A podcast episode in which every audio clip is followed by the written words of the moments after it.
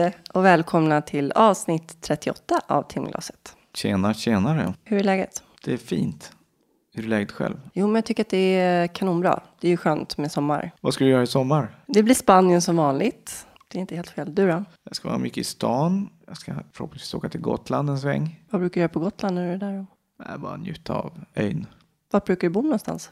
Det är ju ganska otillgängligt, minst sagt. Är otillgängligt. Det är inte otillgängligt på Gotland. Snackar I du alla om? fall Visby. Ja, men det är den enda backen i hela ön och där har de byggt staden. Jag var ju där första gången för några år sedan. Men det var ju Visby då. då. Men vi åkte ju runt lite grann och då fattade jag att det var ganska platt och fint och så. Men eh, nästa gång ska man åka till någon mer tillgänglig plats. Plats som en pannkaka. Det är därför många cyklar där. Exakt. Ska vi ringa Karl eller? Ja, det tycker jag. Vi ringer och snackar lite med Karl på Invacare.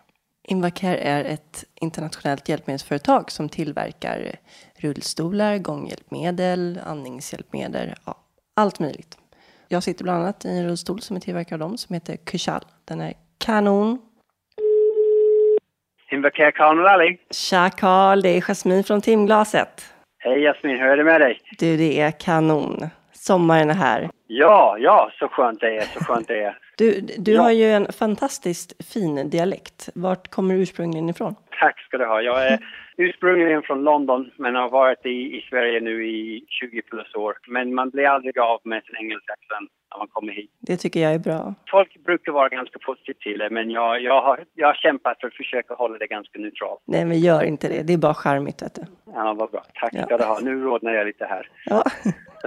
Men du, eh, vad händer i sommar då på Invacare? Ja, nu är vi i förberedelse för sommarlägena så att jag ska vara med alla mina aktiv och sportprodukter. Först till Ängelholm eller till Babystrand, till Sommarsol där och eh, jobba tillsammans med Alla kan på deras sommarläger för barn och ungdomar och unga vuxna också där de får träna och prova olika aktiviteter. Och sen förbereder jag för rekryteringsgruppens eh, sommarläger eller nybörjarläger och barnläger i Valjeviken. Mm. Där jag kommer jobba eh, med cyklandet framför allt och även kommer hålla i eh, en föreläsning om rullstolssittande för föräldrar av barn som brukar rullstol. Det är en väldigt behov av kunskap för anhöriga till personer som har behov av hjälpmedel. Och det finns ingen naturlig plats för dem att få den informationen ibland. Att de måste jobba med allt. Eh, att vara förälder till ett barn med en funktionshinder kräver väldigt, väldigt mycket jobb. Och ehm, FIF och rekryteringsgruppen har bett mig att hålla den här föreläsningen. Jag har gjort det ett par gånger tidigare med väldigt fina framgång. Så folk, folk är väldigt positiva till, till att lära sig. Det låter som ett eh, jättebra och viktigt arbete framför allt. Och roligt är det också, så det är, det är ganska trevligt. Det är bra, Karl. Ja, vad bra. Vi säger så så Men, länge. eh, det gör vi. Ha det så bra, Jasmin. Detsamma. Vi hörs snart. Det gör vi. Hej då. Hej då.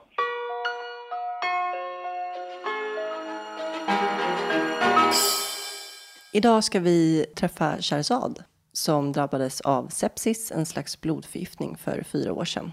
Hennes överlevnadschans uppskattades till 5-10 procent bara. Farliga saker. Efter 40 operationer som också resulterade i amputation av båda benen överlevde hon. Och det har ju gått bra för henne, känns det som. Ja, hon har varit väldigt framgångsrik när det gäller triathlon. Förra året så var hon med i sitt första på olympisk distans i Stockholm. Nej, men vi kör väl igång med henne tycker jag. Det tycker jag. Här kommer Shahrzad.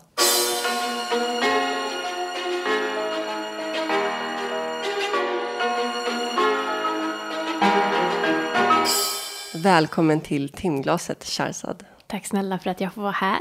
Du eh, var lite lost på vägen hit.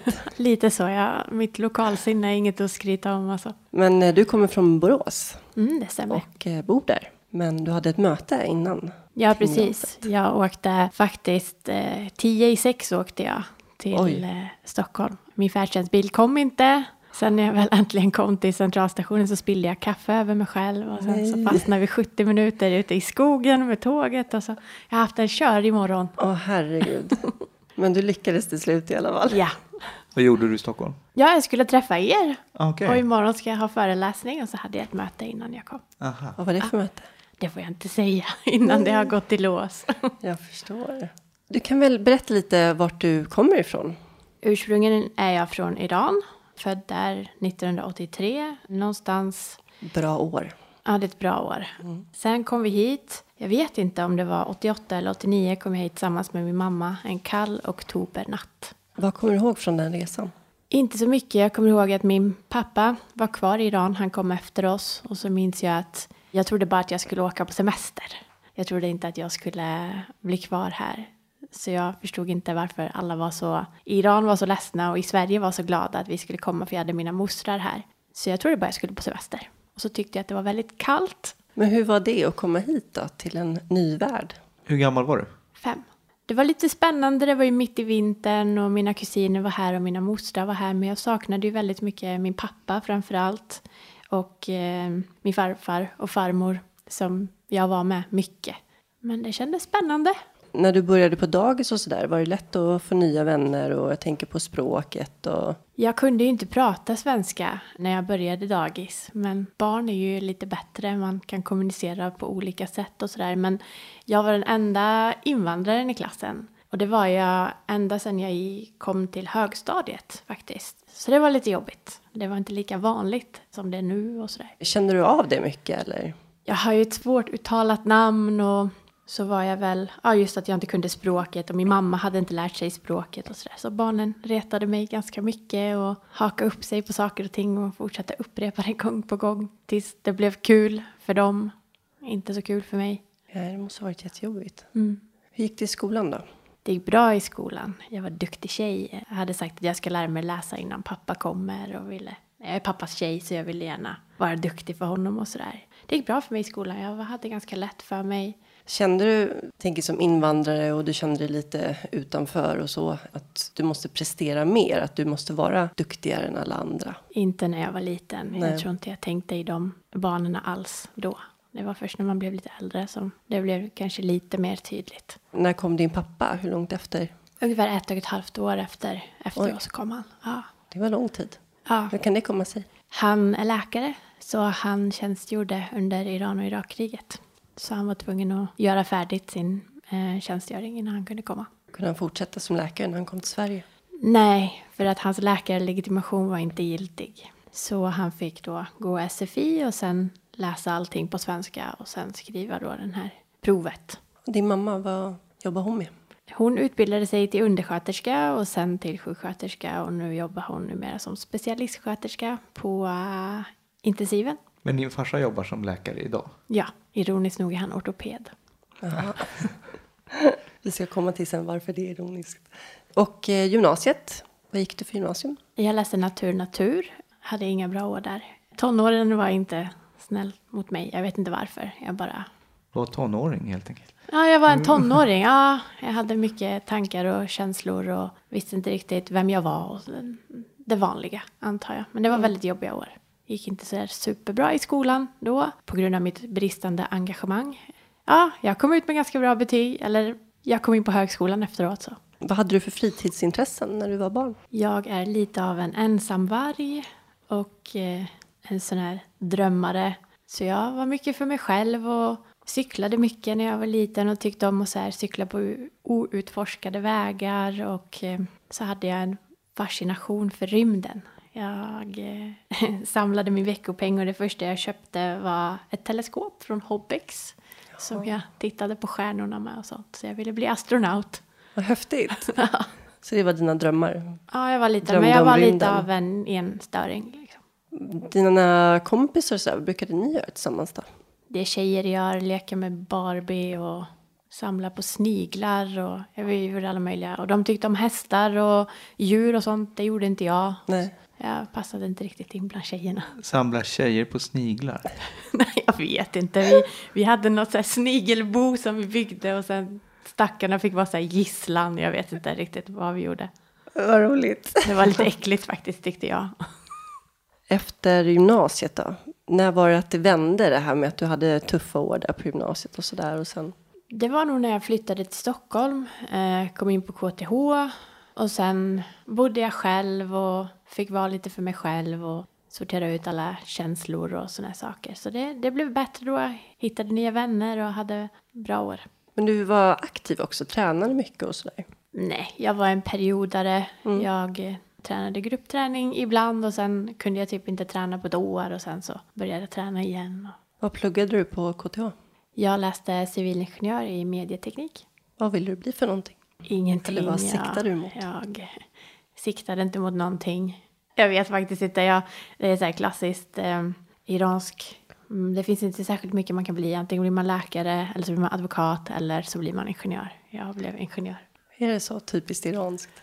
Ja, första generationen kanske. Jag tror vi som är lite äh, yngre ser annorlunda på det. Men våra föräldrar tycker väl så. Jag har hört att alla iranier blir tandläkare. Det är de som inte blir läkare. Är det så det är? Du är ensam barn, du har inga syskon? Jo, jag har en lillebror. Du har en lillebror? Ja, han kom nio år fick jag tjata. Tills mina föräldrar skaffade honom. Mysigt. Mm, supermysigt. Det blir en annan grej då när det är sån åldersskillnad också. Precis, tänka jag tog mig. ju hand om honom och han fick så här mammakänslor för honom och sånt. Mm. Jag förstår det. Hur var det att flytta till Stockholm? Hade du varit i Stockholm innan? Ja, när vi kom till Sverige så flyttade vi till Vallentuna. Så vi bodde där i några år och sen så fick min pappa jobb i Borås och så flyttade vi dit. Det var roligt, det var storstad. Det var det jag ville, jag tyckte Borås var för litet och ja, det hände saker här och det var spännande och jag gick vilse mycket i vanlig ordning och sådär. Men annars var det kul. Sen kommer vi ganska raskt tänkte jag faktiskt komma till mars 2012 när du var 28 år Ja. och drabbades av en ovanlig blodförgiftning förstår jag det som. Kan du berätta vad som hände den dagen? Men jag hade varit på jobbet en helt vanlig torsdag och sen gick jag till gymmet och körde ett pass och var också väldigt stark och, och fokuserad. Och sen på väg till omklädningsrummet började jag få någon konstig smärta i magen. Som att jag hade någon mask som kröp runt i den. Sen, eh, Gud vad Och- obehagligt. nej, det var sjukt obehagligt och det var likt ingen annan känsla eller smärta jag haft förut. Och sen så fortsatte det bara under kvällen och det blev huvudvärk och jag kräktes och jag kunde inte äta och jag hade ont i kroppen och jag fick frossa.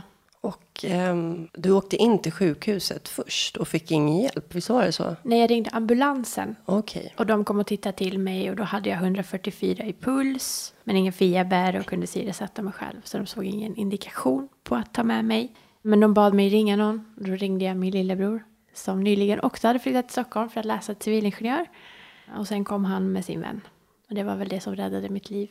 För då hade var det ambulansmännen då som föreslog att du inte skulle vara ensam, att det skulle vara någon med dig? Eller? Precis. De trodde att jag hade fått en panikattack. Så de ville väl att någon skulle titta till mig och sådär. Och det var ju allt annat än en panikattack. Ja, det var det verkligen.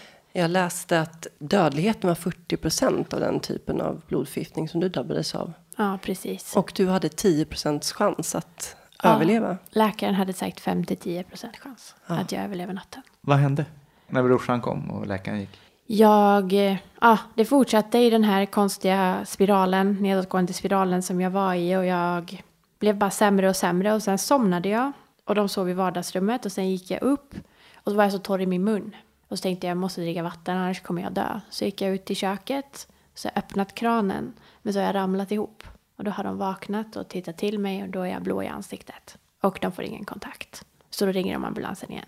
Ja, då måste ju de ha fått panik på riktigt i alla fall. Ja, jag tror det. Två 19-åriga killar utan någon större erfarenhet.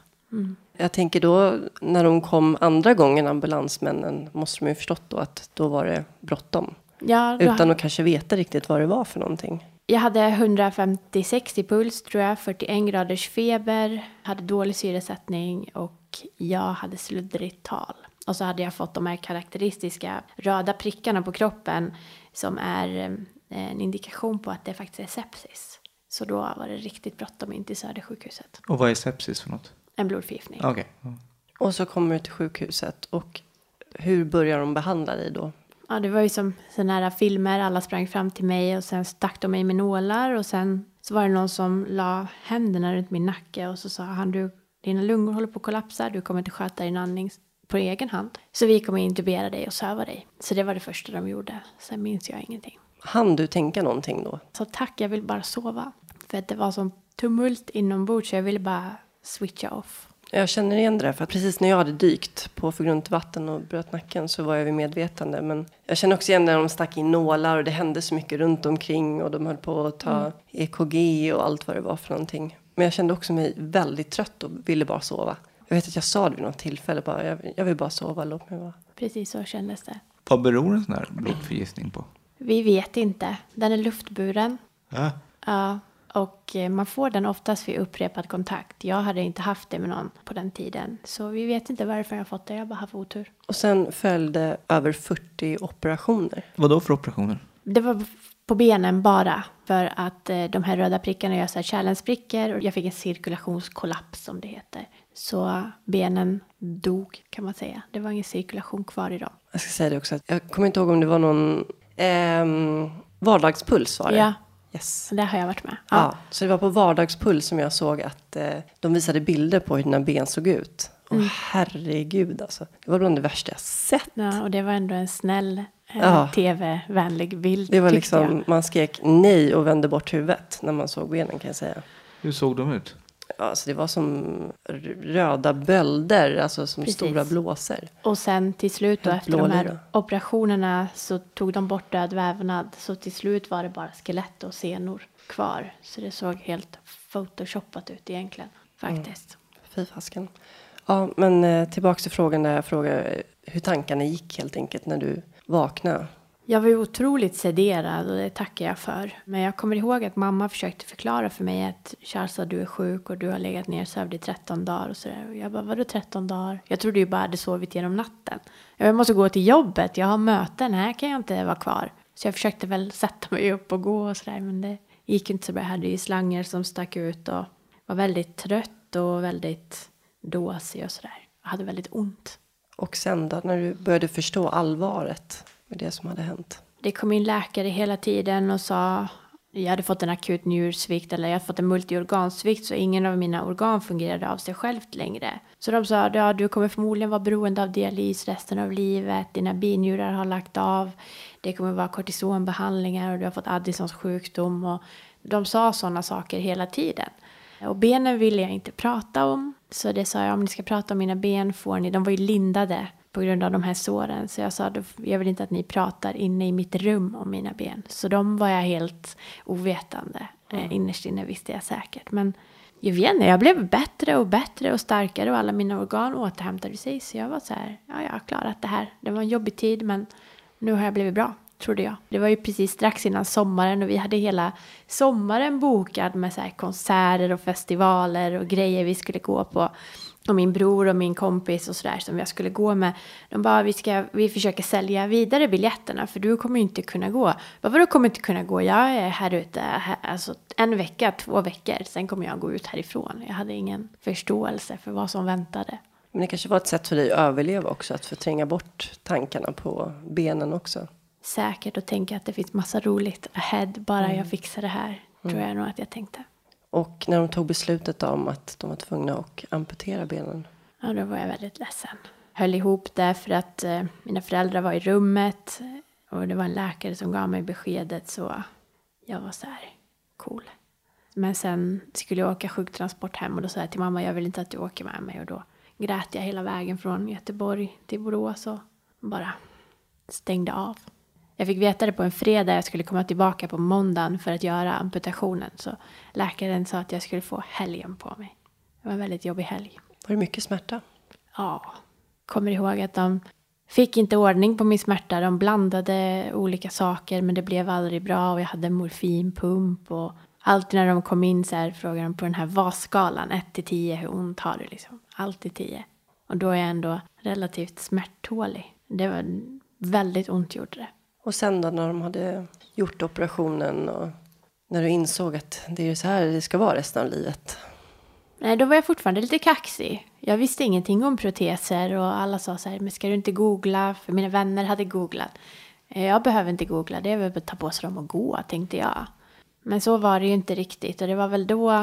Alltså jag gjorde amputationen i slutet av maj, det har snart gått fyra år. Jag kunde inte belasta förrän början av september. Så det var också en väldigt lång läkeprocess då. Och sen på, var jag på gåskolan och tränade och tränade upp min bål och bara jag är redo att ge mig dem. Och sen fick jag dem och ja, det gick ju inte riktigt som jag, jag skulle inte gå någonstans märkte jag. Kan du beskriva din funktionsnedsättning? Jag är dubbelamputerad och det kallas en klassisk underbensamputation. Så jag har ungefär hälften av min vad kvar fast muskeln arbetar ju inte. Den bara finns där På båda benen. på båda benen. Var det någon gång du kände att du bara ville ge upp allting? Ja, absolut. Jag, första gången jag gick med mina proteser klarade jag av att ta så här tio steg i barren. Och sen satte jag mig ner och tog av mig proteserna och hylsorna och då var det blod och blåsor Ja. och de sa du får inte belasta förrän det har gått bort. Det tog två, tre veckor. Sen fortsatte det sådär. Och sen satt jag då, jag tappade även allt mitt hår.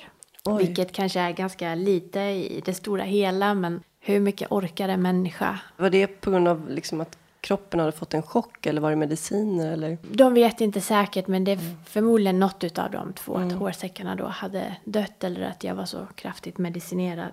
Ja, jag hade gått upp nästan 20 kilo, hade fått så här kortisonansikte och hade stora ärr på kroppen och åkte runt i rullstolen och det var jättejobbigt. Och inga ben då, eller inga underben. Så folk pekade på mig och stannade upp och bara det här ljudet eller "Åh, lilla gumman, vad är det som har hänt? Och, så det var väldigt, väldigt jobbigt. Och så tänkte jag, ja, det är väl så här mitt liv kommer se ut. Proteserna kan jag ju inte gå i mer än tio steg och, och rullstolen var inte så kul att sitta i. Har du en rullstol idag också? Ja, den finns i källaren. Okej. Den, den står där om jag nu skulle få skav eller sår eller sådana saker. Det blir lätt att du överanstränger dig mycket för att du inte vill sitta i rullstolen. Jag tror att det var min motivation.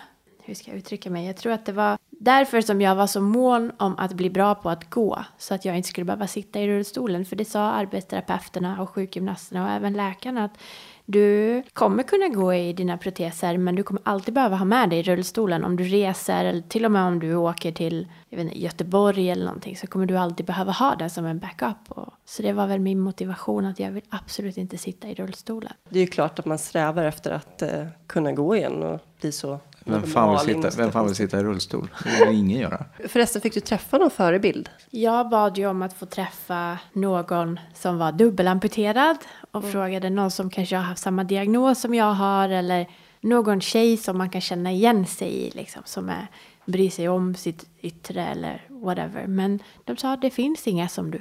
Vi vet inga. Jag såg på en sån här informationsfilm häromdagen att 40% av de som benamputeras i Sverige är kvinnor. Medelåldern för dem är 75. De saknar ett ben. Så det fanns inga. Men sen fick jag börja hänga med rullstolsgruppen. Och det var, det var jätteroligt. Vi raceade i kulverten på sjukhuset och de hjälpte mig med att komma över kanter. Och det var ett bra gäng. De var jättesnälla och svarade på frågor och körde bil. Och jag var så här fascinerad. Hur kan man köra bil när man Ja, och de sa du får gärna komma och spela rullstolsbasket och du får gärna komma på torsdagar och sådär. Men riktigt där kände jag mig inte hemma heller. För jag skulle ju inte sitta i rullstolen utan jag ville ju se någon som kunde gå. Och det fanns ju inga. Men det finns det ju, måste det finnas där ute. Ja. Dubbelamputerad. Ja, ja, Ma- Marit var väl dubbelamputerad. Jo, hon är dubbel. Men hon är så pass högt upp. Så hon kan ju inte ha proteser. Nej, just det. Det var inga som de kände till i alla fall eller någon stödgrupp. Jag frågade väldigt mycket efter det. Att jag vill prata med någon som har varit i samma situation men Ja, ja, precis. de flesta överlever inte och, och så vidare. När vände det och du kände att du liksom tänkte att nej, nu jäklar. Det vände egentligen aldrig. Jag försökte ta livet av mig och min lillebror kom på mig. Hur gjorde du det då? Hur jag försökte ta livet av Ja. mig. Jag gjorde lite diverse olika research på internet. Och sen så skulle jag äta tabletter då. För jag ville att det skulle vara fridfullt och att inte någon skulle bli mer ledsen än vad de behöver bli. Men jag kände mig helt färdig med livet. Och sen så kom han på mig då och han blev så otroligt knäckt. Han fick så här sorgsna ögon och sådär. Och då bestämde jag mig att eh, det kanske inte är det bästa jag kan göra mot honom. Även om det var det jag själv ville. Så jag tänkte att jag ska försöka lite till då för hans skull. För att han inte ska behöva genomlida mer än vad han redan har gjort med allt. Så där var det väl min vändpunkt. Där jag bestämde mig att jag måste skärpa till mig och jag tänkte att det var OS det året. Det var Paralympics det året. Och då sprang de ju på sådana här blades och sådär. Och jag kommer ihåg att min lillebror sa till mig, han bara, det där kommer bli du sen. Och så tänkte jag, ja men då ska jag väl börja idrotta då. Så det var, jag gick tillbaka till gymmet. Mm. Jag blir så här rörd. Det var faktiskt också en av mina vändningar när jag bad ju min mamma ta mitt liv några gånger. Eftersom jag inte kunde själv då för då var jag så pass, hon var ju nästan helt förlamad. Det var vid ett tillfälle där jag fick svårt att andas och sådär för jag hade respirator. Ja, eh, och i ren desperation så bara bad jag min egen mamma liksom ta mitt liv. Ta en kudde, vad som helst. Jag bara, jag orkade inte liksom. Och sen var det vid ytterligare ett annat tillfälle när jag bad henne göra det. Och då kollade hon i mina ögon och sa nej Jasmin, jag kommer inte göra det. Vi ska ta oss igenom det här liksom, tillsammans. Och då kände jag att det var på något sätt som en vändning ändå. För man bara kände så här att okej, vi måste klara det här tillsammans, hon och jag. Ja, jag tror att jag framförallt bar på väldigt mycket skuld. Att jag hade blivit sjuk och utsatt alla för det här. Och min brorsa, när han fick höra om min amputation så hoppade han av skolan och flyttade hem igen. Och jag kände bara, jag, den här sjukdomen och jag, jag har förstört för alla. Då är det kanske bättre att jag inte finns. Så då kan de fortsätta gå vidare med sina liv och få vara lyckliga. Precis. Det är ju framförallt den där skulden man känner att familjen har blivit så pass drabbad Precis. av allt det som har hänt. Varför hade inte jag någon sån? Jag vet inte fan. Jag hade ingen skuld. Jag fokuserade bara på mig själv helt och hållet. Du skulle bli frisk. Precis, det blev det ju inte så. Får reda ut det där någon gång. Ja, jag känner fortfarande skuld, än idag, över att jag förstörde för alla. Men det var ju inte du. Nej, jag vet att det inte var det, men det hade ju bara varit så mycket bättre om jag inte hade blivit sjuk. Ja, självklart. Mm. Fick de någon stöd eller hjälp sådär på sjukhuset? Nej, jag frågade min lillebror bara igår för att jag visste att jag skulle komma hit och han sa ingenting. Det där visste du ju svaret på, Ja, Jasmin. egentligen. Men är inte det konstigt? Det är jättekonstigt. 19 år, fått ett sånt besked, ensam i ett rum och inte liksom vill du prata med någon, behöver du någonting? Och min lillebror började ju må väldigt dåligt. Han hamnade ju också i en eh, väldigt mörk plats ett tag där. Då var det mina föräldrar som fångade upp honom och skickade honom till en psykolog. Det är helt... Det var de första de sa till mig, eller till mina föräldrar. Vi tar hand om Max, ni får sköta er själva. Vi har ingen, inga sådana resurser. Så det var bara tack och hej. Jag menar, det vi sitter och berättar här, det blir så tydligt hur viktigt det är att anhöriga verkligen behöver stöd. Liksom. Jag menar som du och jag som inte vill leva längre. Ja, hur ska de hantera det, den situationen? Jag menar mamma, det gick ju så långt att hon tänkte på den där äh, vagnen som kom in med tabletter om hon skulle liksom ta några och hjälpa mig helt enkelt. Jag menar, då mm, behöver man ju verkligen hjälp. Och då hade mamma ändå tagit honom till vårdcentralen då. Och då hade de bara, ah, du får skriva upp dig på en lista här. Och så fick han tid fyra månader senare. Det hinner hända väldigt mycket på fyra månader. Oj. Jag förstår inte. Det är otroligt dåligt och sorgligt. Hur länge var du på sjukhuset? Sju månader? Ja, sammanlagt inlagd var jag i sju månader. Sen var jag då dagpatient på rehab. Hade du någon glädje av att ha en pappa ortoped i närheten? Det är på gott och ont det där. Han visste väl mer än vad han behövde veta känns det som många gånger. Men de krigade ju för mig, mina föräldrar. De, på SÖS ville de dubbelt eh, lårbensamputera mig från början. Och det är ju stor skillnad Det när är en man inte enorm har skillnad. knän. Ja, pappa hade sagt ni rör inte min dotters ben tills hon har vaknat och kan ta det här beslutet själv. Hon kommer aldrig förlåta mig. Så mycket sånt tror jag nog pappa har gjort. Och det att jag kunde komma hem också mycket på permission i och med att mina föräldrar kunde ta hand om mig om jag blev dålig eller fick ont och sådär. Vilken, Otroligt han- väsentlig skillnad. Vilken otrolig skillnad det är om du inte hade haft en pappa som var ortoped och han hade Ja. sagt okej. Det är helt otroligt vissa saker man har fått. Sjukvården i Sverige är ju helt fantastisk. Men i vissa ställen brister det på ett sätt som man inte kan fatta. På Södersjukhuset, de här såren och blåsorna jag hade, de var ju tvungna att bli omlagda med de här höga infektionsvärdena som jag hade. Vi väntade en hel dag på en ortoped. Det kom ingen. Till slut fick min pappa operera mig. Nej. Han bara, jag skiter i det här. Gå och hämta det som jag behöver och någon får assistera mig. Och så stod han där, såg honom så här bakom skynket. Så grät han samtidigt som han klippte isär blåsorna. Det är liksom... Men samtidigt tänker man om han inte hade gjort det. Det är ju fruktansvärt. Ja, Hur reagerade de på att han gjorde det då? Jag tror inte de orkade stå emot mer. Mina föräldrar gjorde ganska mycket kaos lite här och var. Jag hade ju en pappa som jobbade i princip heltid, ett år med bara mig. Med allt liksom. Man måste ju ha verkligen det stöd hemifrån för att liksom ha en chans. Verkligen. När man själv inte orkar ropa så måste någon annan orka göra det åt en. Mm. Det var en väldigt jobbig syn att se sin pappa sådär. Men väldigt Ja. modigt av honom. Oh ja, usch. Hur var det att komma hem sen då? Till verkligheten? Fruktansvärt. Det var så skyddat på sjukhuset och jag hade mina rutiner, hade lärt mig hur det funkade och överlevnadsinstinkten hade kickat in och så kom man hem. Och jag var alltid omringad av människor när jag var på sjukhuset, var aldrig ensam. Så kom man hem och så var det helt dödstyst. Och så skulle man försöka göra de här normala grejerna, typ gå på toa eller hämta vatten. Nådde inte ens upp i skåpen, ja, du vet. Trappor upp in i vårt hus. Så fick ligga en sån här jobbig ramp som folk gjorde illa fingrarna på hela tiden när de skulle veckla ut den. Och, nej, det var inte bra. Flyttade du hem själv eller hem till föräldrarna? Jag flyttade hem till mina föräldrar. Hade väl aldrig klarat mig själv i min lägenhet i Nacka, så jag fick flytta till Borås. Nej, men det där känner vi ju alla igen. Det här med att komma hem till verkligheten och man bara går in i en vägg, rullar in i en vägg. Ja, men då är det verkligen så här. Man tror ju att det ska gå över, typ. Ja. Ja, man får flytta hem och så kommer man hem och så bara.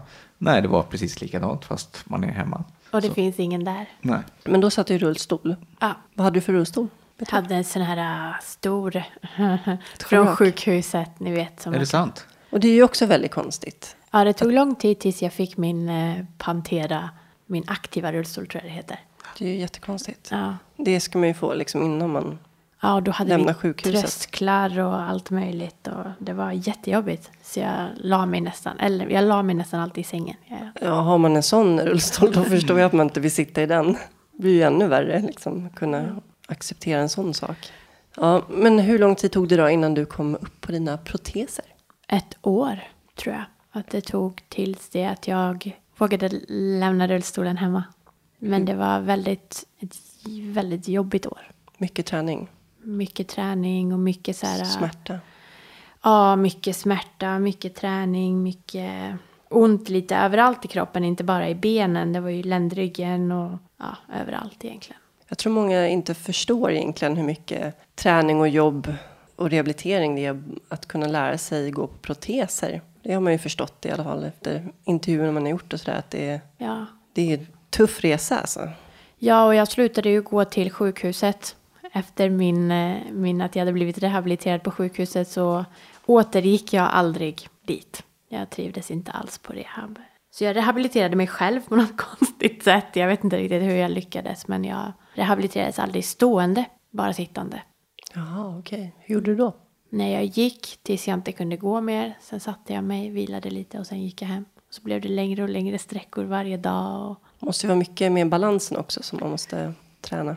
Ja, mycket med balansen och just stabiliteten i, i bålen och sådär. Det var en väldigt jobbig tid. Jag vet inte riktigt hur jag fixade det. Men jag gjorde det bara. Hur var det att lämna rullstolen första gången då? Jag hade ju varit och rest väldigt mycket. Men då hade jag alltid tagit med mig rullstolen. Och det funkade bra i vissa ställen och i vissa ställen funkade det inte alls bra. Och sen skulle jag vara tärna på en av mina bästa vänners bröllop i Dubai. Och då ville jag ju inte sitta i rullstol för då skulle mina vänner som inte hade sett mig komma. Så då lämnade jag rullstolen hemma. Det var väldigt dumt. Åtta dagar utan. Oj, Vad, hur skulle vi gjort om, om jag fick skav? Men jag klarade mig. Hade ont, men jag klarade mig. Inte trötthetsont utan att vad är det för typ av? Både och. Trötthetsont. Men också längst ner i benen blir det... I början då domnade det och sen hade jag mycket fantomsmärtor och så blev det sån här stickande, brännande smärta. Ganska oskönt. Det låter inte så jätteskönt. Nej. Men sen, helt plötsligt, så bestämde du dig för att eh, tävla i triathlon. Ja. helt galet. Och siktade mot eh, ja, en olympisk distans på Stockholm Triathlon 2015. Det innefattade 1500 meter simning, 40 kilometer cykel och 10 kilometer löpning. Helt galet. Och du var livrädd för vatten. Ja, jag kunde inte simma. Hur fick du för det här? På gymmet träffade jag hon som skulle bli min tränare då, Kajsa. Och jag tror hon ville att jag skulle ha ett mål med träningen. För vi tränade ben ihop. För jag, de sa att du kan inte göra knäböj. Men det kunde jag visst det. Men jag ville ha någon som vaktade mig lite så. Så att jag inte skulle ramla och så. Så hon sa att du borde tävla i något. Och sen sa jag okej. Till slut gick jag med på det. Så jag, vad ska jag tävla i? Och då sa hon triathlon. Och då så det bara okej. Jag sa nej, jag är rädd för vatten, jag kan inte simma, jag har aldrig cyklat förutom när jag var barn och jag hatar att springa. Hon bara, det här kommer bli väl. Jag var bara så glad att någon trodde på mig. Det handlade inte alls om prestation eller... Jag bara kände mig så otroligt värdelös och likgiltig inför allting. Så det kändes väldigt skönt att någon faktiskt trodde på mig och trodde att jag skulle fixa det. Så det var mest det som fick mig att vilja. Jag var inte alls intresserad av triathlon eller så. Men alltså vanlig triathlon mot vanliga fullt friska. Ja. Men hade du fått såna här balla springskenor då eller hur? Nej, det- vi fick kriga med landstinget ett bra tag där också. Eh, Det är men- som kamp allting hela tiden. Ja, först ville de inte och tyckte inte alls att det var okej och det kostar för mycket och det är idrott, det är inte funktionalitet. Men till slut gick, träffade jag en ortopedingenjör och han sa någonting väldigt smart till mig. Han sa löparproteser är dyra men om du ligger inne på psyk så kostar du samhället mer. Tack för den, det är sant. Och så fick jag mina blades då. Ibland Toppen. måste man ha lite tur Bra också tips. i livet. Ja. Och hur var det då? Och för dem? spännande. Det var inte alls som att ha fötter, men förmodligen det närmaste man kan komma att ha fötter. De är flexibla och studsiga och gungiga. Och... Det måste bli mer varsamt, tänker jag, för stumpan, liksom för benen. Att det inte skaver lika mycket om det är mer stuns. Nej, du måste trampa hårdare för att få en energiåterföring. Så det är mycket jobbigare att springa än vad det är att gå. Så jag hade väldigt mycket dåliga, eh, smärtsamma löppass. Men du siktade ändå mot triathlon. Ja, man kan inte ta tillbaka det när man har sagt det. det måste man köra. Hur var det att simma då? Simma var ju läskigt i och med att jag inte hade några fötter att sätta på botten. Men mest tyckte jag det var jobbigt att ta av mig proteserna. Kände mig väldigt, fortfarande än idag, kände mig väldigt naken och blottad och ömtålig när jag inte har dem på mig. Men du fick ändå till simningen. Ja, här träffade jag också min simtränare Jonas som är fantastisk och eh, jag lärde mig till slut. Och hur gick loppet? Det gick bra. Simningen gick bra. Cyklingen gick väldigt bra. Löpningen not so much. Mina ben var olika långa då och jag hade nerver som var i kläm och jag hade en riktigt dålig bendag den dagen. Så jag hade nervsmärta i 10 kilometer så det var inte så härligt. Så varje gång jag trampade så var det som att slå armbågen i en bordskant typ. Och hur stod du ut med den smärtan? Jag vet inte. Jag kände bara att jag var tvungen att gå i mål. Jag var väldigt besviken för att jag var tvungen att ha en dålig dag och för att det gick väldigt sakta. Hur snabbt gick det då? Jag gick i mål på 3 timmar och 36 minuter. Jag hade sagt för mig själv om jag går in på 3.15 är jag nöjd. Jag har ingen koll på hur det är tidsmässigt, men hur lång tid brukar det ta ett triathlon? Jag tror att det är väldigt, för eliten går det ju väldigt snabbt men vad ska man säga? Statistiskt, om man tittar på de som körde Stockholm, låg jag bland de översta tredjedelen på simningen och översta hälften på cyklingen, typ sist i löpningen. Det var typ två personer som var sämre än mig. Ja, men ändå, de var ändå funktionella. Ja, de kanske också hade en dålig bendag. Men det är ju otroligt. Hur var känslan när du kom i mål? Det var som att eh, få revansch verkligen på det som hade hänt mig. Att det tog mina ben, men inte särskilt mycket mer än så. Och så har det nog varit hela tiden. Triathlon har inte varit en idrottsprestation för mig, utan det var bara mitt sätt att känna att jag är fortfarande den här drömmaren och den som hittar på saker och ser till att det blir verklighet. Och dina, din familj stod vid sidan av och hejade. Ja, de var, de var jättepepp den dagen. Det var roligt att de var där och hejade. Och jag tror att det hängde liksom i luften på något sätt. Att det här var större för dem också. Det här var mitt sätt att visa att jag är fortfarande här. Och det är fortfarande essensen av den jag är, är fortfarande kvar. Det är bara två underben.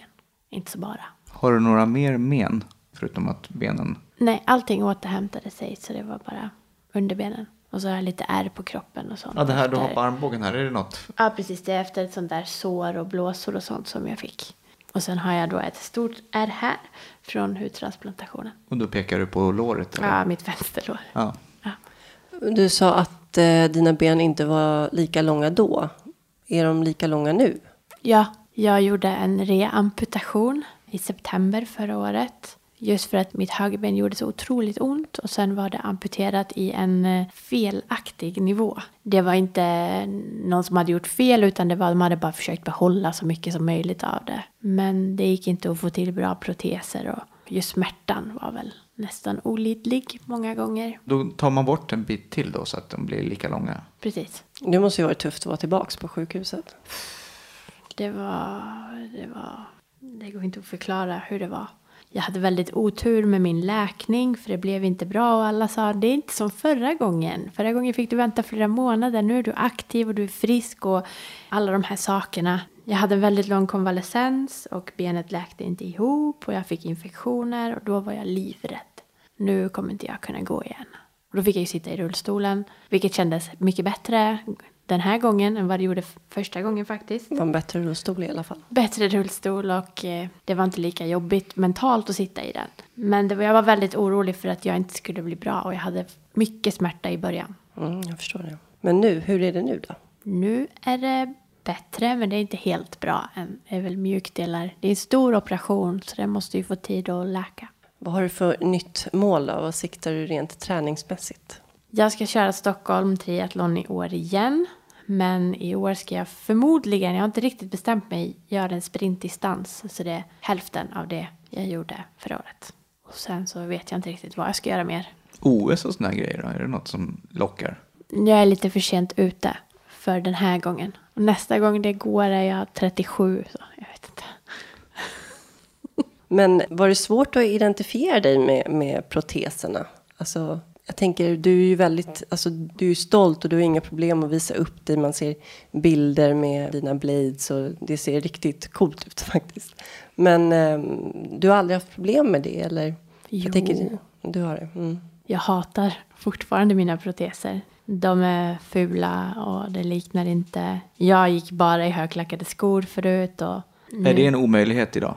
Det går om man har proteser med den klackinställningen. Men det är ingenting landstinget betalar för. Nej, det förstår jag. Det kan jag förstå att de inte vill. Nej, de är bara ute efter funktion. Och det är så här plastben och de ser ju inte alls ut som människoben. Så det är klart jag har väldigt svårt för dem än idag. Samtidigt har jag ju inget annat val.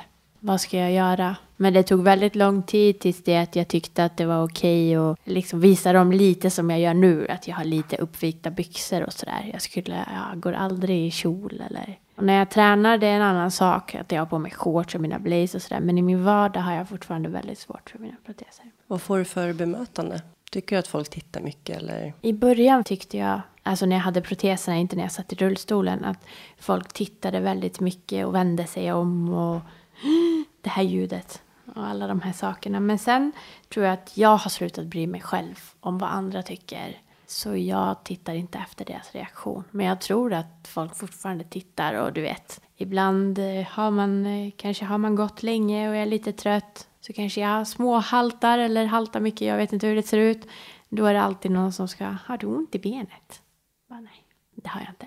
Jo men det är klart, jag förstår ju att det måste ju vara en, det är ju en sorg som du får lära dig leva med. Att inte ha kvar dina fötter. Så det är klart.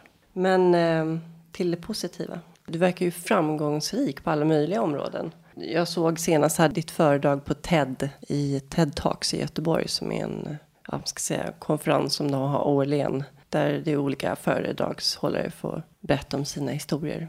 Hur var det? Vad handlar föredraget om? Årets tema var What if?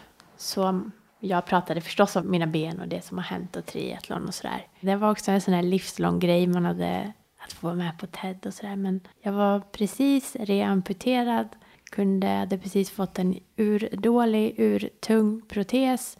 Det enda jag tänkte, jag måste gå upp för trapporna själv. Men jag fick ju sitta på en hög pall och sådär. Så det, det kändes väldigt tråkigt att få göra någonting så stort och prata om triathlon och prestation och sen sitta.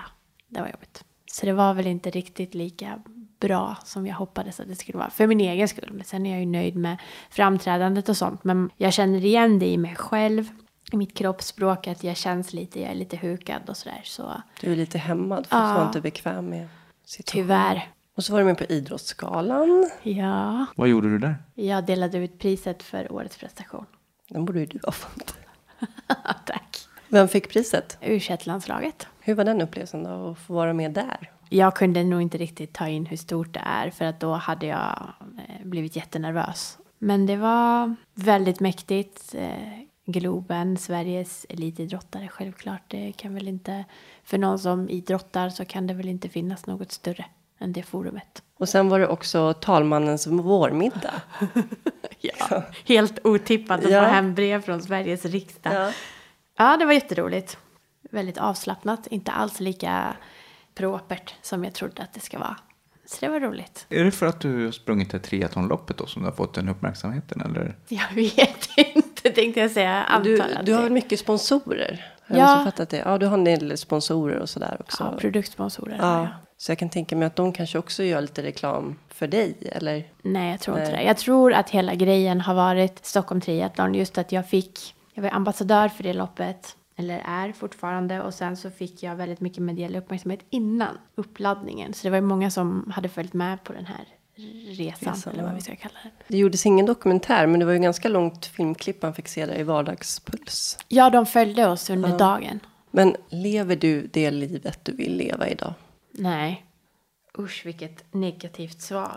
Jag tycker väl att jag har gjort det bästa, inte det bästa, men något bra utav någonting väldigt dåligt. Det kan jag tycka. Men jag kan inte säga att jag är en sån person som tycker att det var bra att det här hände mig. Det, absolut inte. Nej, jag är ju inte där heller. Det Inte finns, ju, heller. det finns ju ett gäng sådana där som tycker att allt är kanon, men Jag hade gärna sluppit. jag hade gärna sluppit. Ja, jag hade gärna sluppit. Fast samtidigt känns det lite taskigt att säga, för jag är ju jättelycklig nu och är gift och sådär. Men det man har genomlidit hade man ju gärna sluppit. Jag är inte olycklig på något sätt. Men eh, det var ett väldigt högt pris att betala. Vem var Shahrzad innan olyckan? Hon var en karriärstjej som eh, driven och ambitiös och cool var hon framför allt. Och väldigt mån om sitt yttre. Och då också en drömmare förmodligen. Och hon var så här laid back bara. Saknar du henne? Ja. Men jag har läst mycket om att du pratar om Shahrzad 2.0. Vem är det? Det är jag tyvärr som sitter här idag. Nej, men jag kände bara att jag behövde... Jag höll fast i 1.0 så himla länge och försökte bli henne igen. Och det var väldigt smärtsamt för att ju mer jag försökte ju mer insåg jag att henne kan jag ju verkligen inte bli. Med allt det här bagaget och allt som pågår i mitt huvud och allt jag har fått känna på och genomleva. Så jag fick eh, omdefiniera mig själv. Men sen kom jag ju aldrig riktigt ifrån den jag var heller och det vill jag inte göra heller. Men det gick inte att återuppliva henne tyvärr.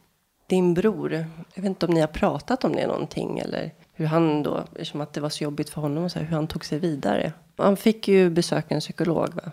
Föräldrarna fixade. Han fick träffa någon och det gjorde nog honom väldigt gott.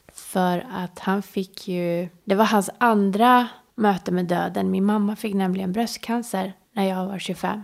Då var han 16.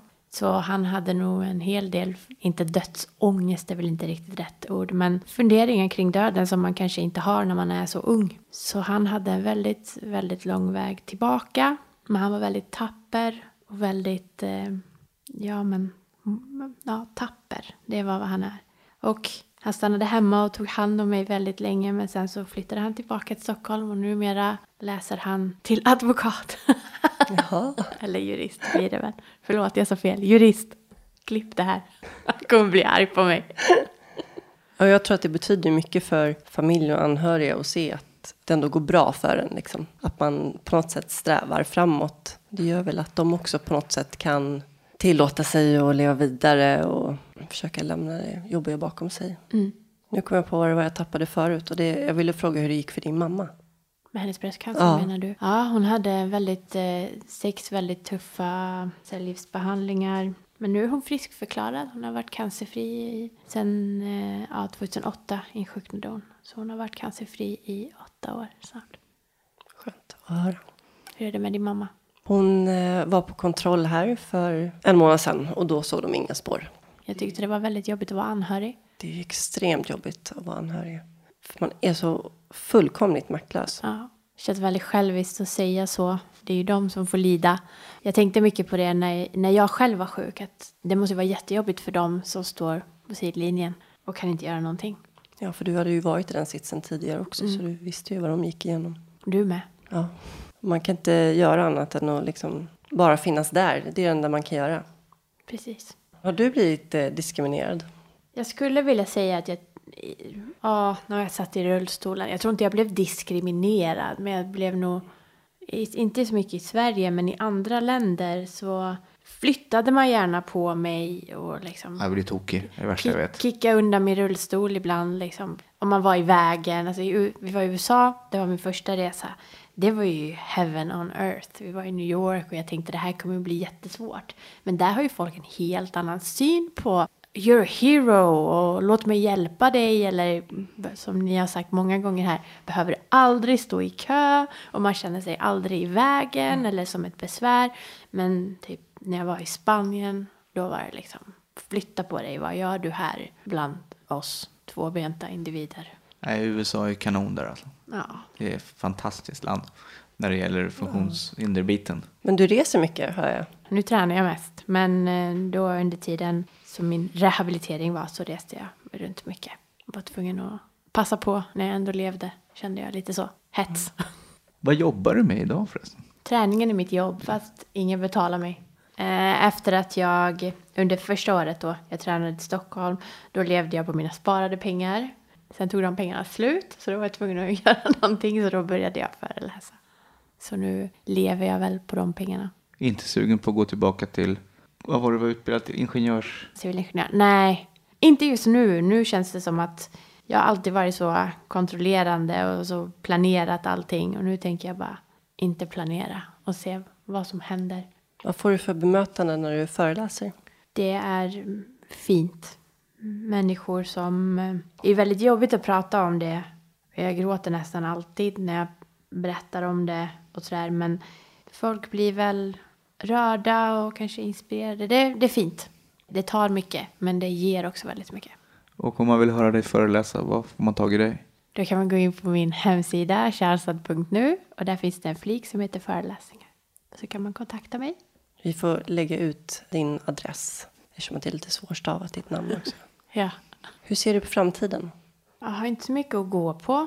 Det är ingen som kan svara hur det kommer gå för mig. Men det känns ändå, jag känner mig ändå på mina bra dagar. För jag har väl också dåliga dagar. Men på mina bra dagar så tror jag att jag känner mig hoppfull och känner att det är jag som bestämmer vad som det ska bli av mig. Inte det som alla sa. Charsa, du är dubbelamputerad. Du kan inte göra det här och det här och det här. Men jag kan ju. Så det gör mig glad. När fick du beröm senast? Jag har det stora privilegiet att ha mycket positiva människor runt omkring mig. Så jag började boxas igår. Fått för mig att jag ska satsa på det nu så jag la upp en video och alla tyckte det var jättefantastiskt. Jag tyckte det var jättedåligt men jag har väldigt tur. Folk är väldigt snälla mot mig. Var la du upp den videon någonstans? På Facebook. På Facebook. Aha. Jag såg den faktiskt igår. Det måste ju vara svårt med balansen tänker ja, jag. Oh ja, balans. Jag såg att du kämpade lite med det. Så fick stå på min tå och sådär. Så det är inte lätt att stå på tå. Nej, verkligen inte. Men du känner att det är någonting du ska verkligen fortsätta med? Eller? Ja, fortsätta med absolut. Mm. Och... Det är bra träning kanske? Ja, det är bra komplement. Vad gör dig lycklig och vad betyder lycka för dig? Lycka för mig är frihet. Kort och gott. Och vad är frihet? Att kunna göra vad jag vill, säga vad jag vill, tänka vad jag vill, åka vart jag vill. Att känna att man har alla möjligheter som finns för att göra det som man känner för. Om du fick leva om ditt liv, skulle du göra någonting annorlunda då? Förmodligen inte. Det finns väl saker som jag kanske tyckte att jag kunde gjort bättre förstås, men nej. Vad skulle du vilja säga till någon som inte har någon erfarenhet av personer som lever med funktionsnedsättningar? Att det faktiskt finns en person bakom den, gillar inte det ordet, men funktionsnedsättningen och att den personen också har ögon och öron och, och ser och förstår och känner. Och att man ska behandla alla med lite respekt. Det är inte okej okay att peka på någon och det är inte okej okay att gå på någon som sitter i en rullstol eller flytta på den personen för att man vill gå förbi eller det sitter faktiskt en människa där. Och även när man ser mig, jag tycker att det är en otroligt dum fråga att ställa. Har du ont i benen. Va? Det kanske jag har. Vad ska du göra åt saken? Gå vidare med ditt liv. Nu lät jag arg. Får du många frågor vad som har hänt? Ja, tyvärr. Jag gillar det du brukar säga. Jag, jag ska börja köra med den nästa gång. Får jag bara, snälla kan inte du berätta om det allra värsta som har hänt dig? Mm, den är bra. Det vill jag gärna höra om. Så kan vi ta mig sen. Ja, det är som man är, man är på fest och liksom, och berätta vad du har gjort. Så, men vad fan ska jag sitta och prata om det absolut värsta som har hänt i mitt liv just nu? Nej. Om man är på någon fest. Det, eller vad man nu är. Eller vad man nu är. Det mm. kvittar. Jag tycker, det är en väldigt personlig fråga. Och jag kan liksom säga, ja, jag fick en blodförgiftning. Barn är jag helt okej okay med. De ja, får fråga verkligen. hur mycket de vill. Men vuxna människor, man ska faktiskt bete sig lite grann tycker jag. Ja, jag stötte på en dagis eh, klunga häromdagen. Och det var ju liksom tusen frågor. Jag väljer det alla dagar i veckan över en vuxen person som stannar upp och stirrar på en eller ska hämta sina vänner och berätta för dem och titta på henne och sådär. Har du varit med om det? Ja. Vadå att folk liksom står kvar här? Jag måste hämta några kompisar. Ja, och ska bara titta på henne, titta på henne. Det är för en dårar. Jag vet inte. Och det då har ju inte jag... Boråsgrej, eller? Ja, faktiskt i Borås är det inte så många som tittar. För nu vet ju folk om det. Kanske det är en liten stad och sådär. Men så fort man kommer utanför så, och någon upptäcker det så tror de att de har typ kommit över någon sån här världsnyhet och måste dela det med alla. När jag springer, brukar springa i parken som vi har hemma hos, eh, där vid oss. Och sen var det några som stannade bara, kan vi få ta en selfie med dig och dina ben? Nej, men, bara, nej Gud det, vad kan, oförskämt. det kan ni inte få göra. Som att du är ett freak liksom. Ja, sen är ju mina löparpriser ganska spektakulära. Men jag sa precis det, jag bara, det här är ingen cirkus. Jag är ute och springer. Hur reagerar de då? Nej, vi tänkte bara, du vet. Ja. Den. Ja, du tänkte bara. Men det står ju en människa här med känslor. Du skulle frågat om du fick ta en selfie med den här idioten istället. Nej, men jag kan ta en med dig. Ska jag... Titta vad jag stöter på. Det är faktiskt var väldigt, jag blev väldigt chockad och väldigt förnärmad nästan. Att varför, varför, varför pratar du så här med mig? Oftast kommer man på alla de här smarta svaren efteråt. Jag blir oftast Ja, helt precis. ställd. Hur var det första gången du åkte tillbaks till Iran? Du skulle på ett bröllop där ju. Hur, Nej, det var i Dubai. det var i Dubai. Ja. Hur var det där då? För mottagande, tänkte jag. Det kanske inte är lika vanligt att man... Proteserna är ju alltid ett stort problem på flygplatser med människor som inte riktigt vet vad de ska göra av dem. I Sverige är det ju, behöver jag inte ens ta av med dem. Men i vissa länder måste jag ju ta av med dem och sen ska de... Så ibland står de bara och tittar på dem Jag vet inte vad de ska göra. Man bara, men ge tillbaka mina ben då. Så var det nog lite där, att de visste inte riktigt vad de skulle göra med dem och what is this och varför är de så tunga och man bara, jag vet inte. Vad ska du göra ikväll? Nu har jag snart ett till möte här. Sen ska jag äta hamburgare. Det är det bästa jag vet. Vart då någonstans? Det är något nyöppnat ställe här. Jag kallar det man bun nu. Jag vet. Namnet har evolverat så jag vet faktiskt inte vad det heter. Det ska bli roligt i alla fall. Hamburgare och pommes frites. Det är det Okej. bästa som finns. Tack så mycket Sharzad för att du kom och berättade din livshistoria. Tack snälla för att jag fick vara här.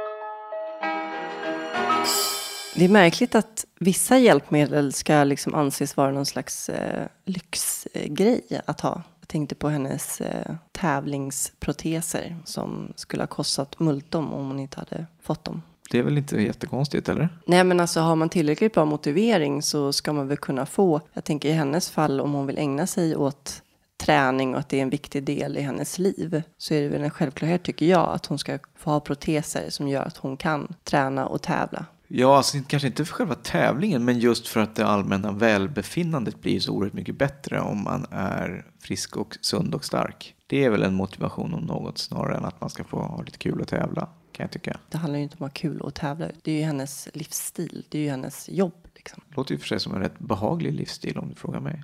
Vad mycket konstiga sjukdomar man kan drabbas av. Ja, jag är väl åtminstone Precis. ett väldigt tydligt Jo, exempel men liksom på från detta. ena dagen till den andra. Liksom. Från ena timmen till den andra, du frågar mig. Autonoma sjukdomar och Ja, ju så, blodförgiftningar och bara som kommer från ingenstans. ja, det finns ju så mycket knasiga saker där ute. Ni går inte trygga någon av er. Nej, eller hur? Nej, men det är lite så här, man blir ju lite bitter ibland. Att jag som aldrig har kört för rött, och det har jag gjort en gång, men aldrig kört för fort. Jag skulle aldrig komma på tanken att dyka. Världens lugnaste människa. Nej, men jag ligger och sover och vaknar och blir förlamad. Någon jävla måtta på rättvisa får du väl fan vara. Ja, det är Eller hur? jäkligt orättvist faktiskt. Ja, det är helt sjukt. Medan vissa andra bara, nej men jag dyker på en idiot istället. Då har man i alla fall något att skylla på. Jag har inte ett skit att skylla på. Min kropp tyckte att nu får det vara nog. Den la ner liksom. Efter 20 år. Förstå om vi hade levt någon annan årtid än nu. Då hade det ju varit mors goodbye. Mm. Det vill man ju inte ens tänka på. Men det är märkligt det här med blodförgiftningen. Liksom. Var kommer de ifrån? Alltså, Hon sa ju det, otur. Ja. Det är som jag, det är också bara, man bara drabbas av skiten. Man kan liksom inte göra någonting för att hindra det. Man ska ju vara glad att man lever kanske. Ja. Jag hade ju också 50% chans att överleva fick jag reda på efteråt. Oj, vi sa de till dig också att det var typ en på miljonen. Jag tror att det är fyra på miljonen eller något sånt där i Sverige. Du är speciell i alla fall. Ja, speciell och speciell. Ja, jag vet inte.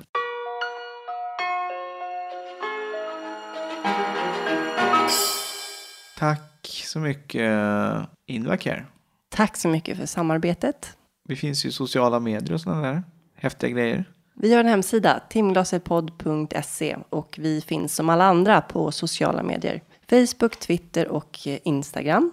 Så följ oss där och dela så att vi kan sprida den här podden till så många som möjligt. Ja. Ni kan kontakta oss på kontakta.timglasetpodd.se. Nästa gång ska vi träffa en person som både du och jag känner. Han heter Per och eh, skadade sig för en herrans massa år sedan i en bilolycka och fick en inkomplett ryggmärgsskada så han kan gå. Med blotta ögat så kan man inte riktigt se kanske att han har det, men han har ingen känsel från midjan och ner i princip, men går. Och är väl någon form av rehabinstruktör för framförallt folk med ryggmärgsskador. Av olika former. Han jobbar på RG Aktiv Rehab Ute på Bosön. Han har ju varit en väldigt viktig förebild, inte minst för personer med inkompletta ryggmärgsskador som kan gå, men måste träna på det helt enkelt. För han är en jävel på att gå. Och han var min rehabinstruktör när jag var hyfsat nyskadad. Han har rehabat mig också tror jag. Mycket bra på det Så. han gör. Ja, ut i sommarsolen. Ja, gärna. Ni får ha det så jäkla bra. Ha det underbart hörni. Njut. Ha det gott. Ha det bra. Hej då.